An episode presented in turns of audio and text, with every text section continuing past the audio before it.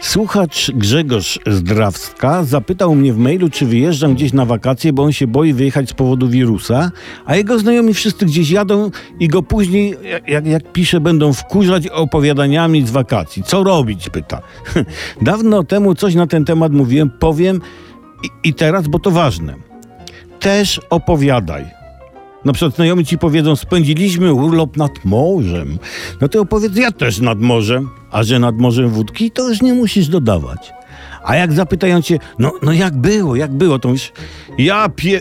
Zawsze na początku mówi, ja Wie, wiecie o co chodzi, nie? Bo to, bo to podkreśla stan emocjonalny, nie? I ja bym, nie?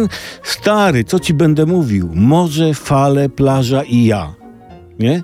I mówisz to takim rozmarzonym tonem, dając do zrozumienia, że byłem przygody, że jesteś, no jakby tu powiedzieć, wiaderko na babki.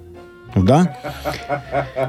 Inny znajomy wciska ci, ach, ta słoneczna Hiszpania, mm, oni zawsze to mm, tak robią, nie?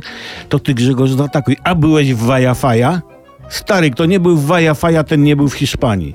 Nie? I koleś coś tam bąkał jedzenie. Mówi, stary, kto nie jadł Wajafaja, Cadillo z Burakos w knajpce jedno, jednookiego Jose, ten nie jadł w Hiszpanii. Znajomy coś bredzi o zamku pod Madrytem. Stary, kto nie widział zamka w drzwiach knajpki jednookiego Jose, ten nie wie, co to zamek. No.